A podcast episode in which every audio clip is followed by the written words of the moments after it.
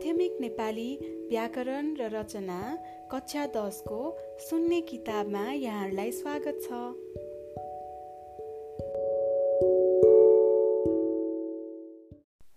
एकाइ बाह्र पान्ना नम्बर एक सय तिन सन्धि। एक सन्धिको परिचय। कार्की प्लस आनी कर्क्यानी रु प्लस ई रोई। सुख प्लस अन्त सुखान्त।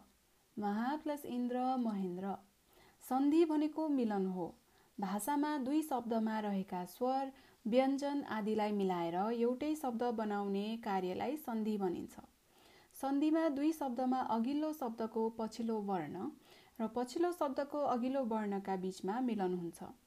स्वर वर्ण र व्यञ्जन वर्णका बीचमा एक आपसमा सन्धि हुने हुनाले यहाँ ध्वनिमा भएको परिवर्तनलाई प्रत्यक्ष देख्न सकिन्छ।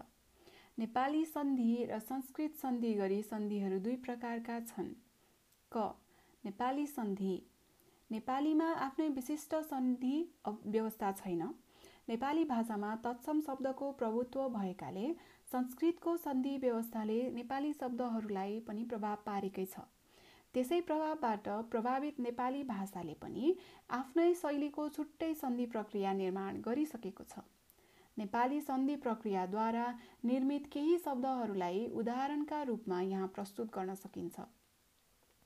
खा प्लस आई खुवाई जा प्लस यो गयो तल प्लस तिर तलतिर सानी प्लस नानी सान्नानी चाट प्लस अनि चटनी थाक प्लस आन थकान माथि प्लस तिर मासतिर हु प्लस यो भयो। ख संस्कृत सन्धि। संस्कृतको सन्धि प्रक्रियालाई तीन भागमा विभाजन गरेको पाइन्छ। एक स्वर सन्धि दुई व्यञ्जन सन्धि तिन विसर्ग सन्धि। एक स्वर सन्धि अघिल्लो शब्दको पछिल्लो स्वर र पछिल्लो शब्दको अघिल्लो स्वरको मिलन हुने काम स्वर सन्धिमा हुन्छ जस्तै दुख प्लस अन्त दुखान्त। से अ प्लस आ आ भयो। कवि प्लस इन्द्र कविन्द्र। ई प्लस ई ई भयो। अधि प्लस इस अधिस ई प्लस ई ई बन्यो। भानु प्लस उदय भानुदय। उ प्लस उ उ। सुर प्लस इन्द्र सुरेन्द्र। अ प्लस ई मिलेर ए भयो। चन्द्र प्लस उदय चन्द्रोदय। अ प्लस उ मिलेर ओ बन्यो। महा प्लस उत्सव महोत्सव। आ प्लस उ मिलेर ओ बन्यो। महा प्लस ऋषि महर्षि। आ प्लस रि मिलेर अर बन्यो। सदा प्लस एव सदैव। आ प्लस ए मिलेर ऐ बन्यो। वन प्लस औषधि बनाउँदा बनौषधि अ प्लस औ मिलेर औ बन्यो। अति प्लस अधिक अत्याधिक ई प्लस अ मिलेर य बन्यो। सु प्लस आगत स्वागत उ प्लस आ मिलेर व बन्यो। से प्लस अन शयन ए प्लस अ मिलेर अय बन्यो। गै प्लस अक गायक ए प्लस अ मिलेर आय बन्यो। पो प्लस इत्र पवित्र। ओ प्लस ई मिलेर अब बन्यो। दुई व्यञ्जन सन्धि। व्यञ्जनको व्यञ्जनका साथमा वा व्यञ्जनको स्वरका साथमा हुने सन्धिलाई व्यञ्जन सन्धि भनिन्छ।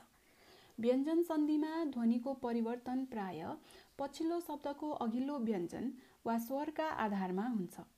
जस्तै दिक प्लस अम्बर दिगम्बर। दिक प्लस गज दिग्गज। अज प्लस अन्त अजन्त। वाक प्लस मय वाङ्मय।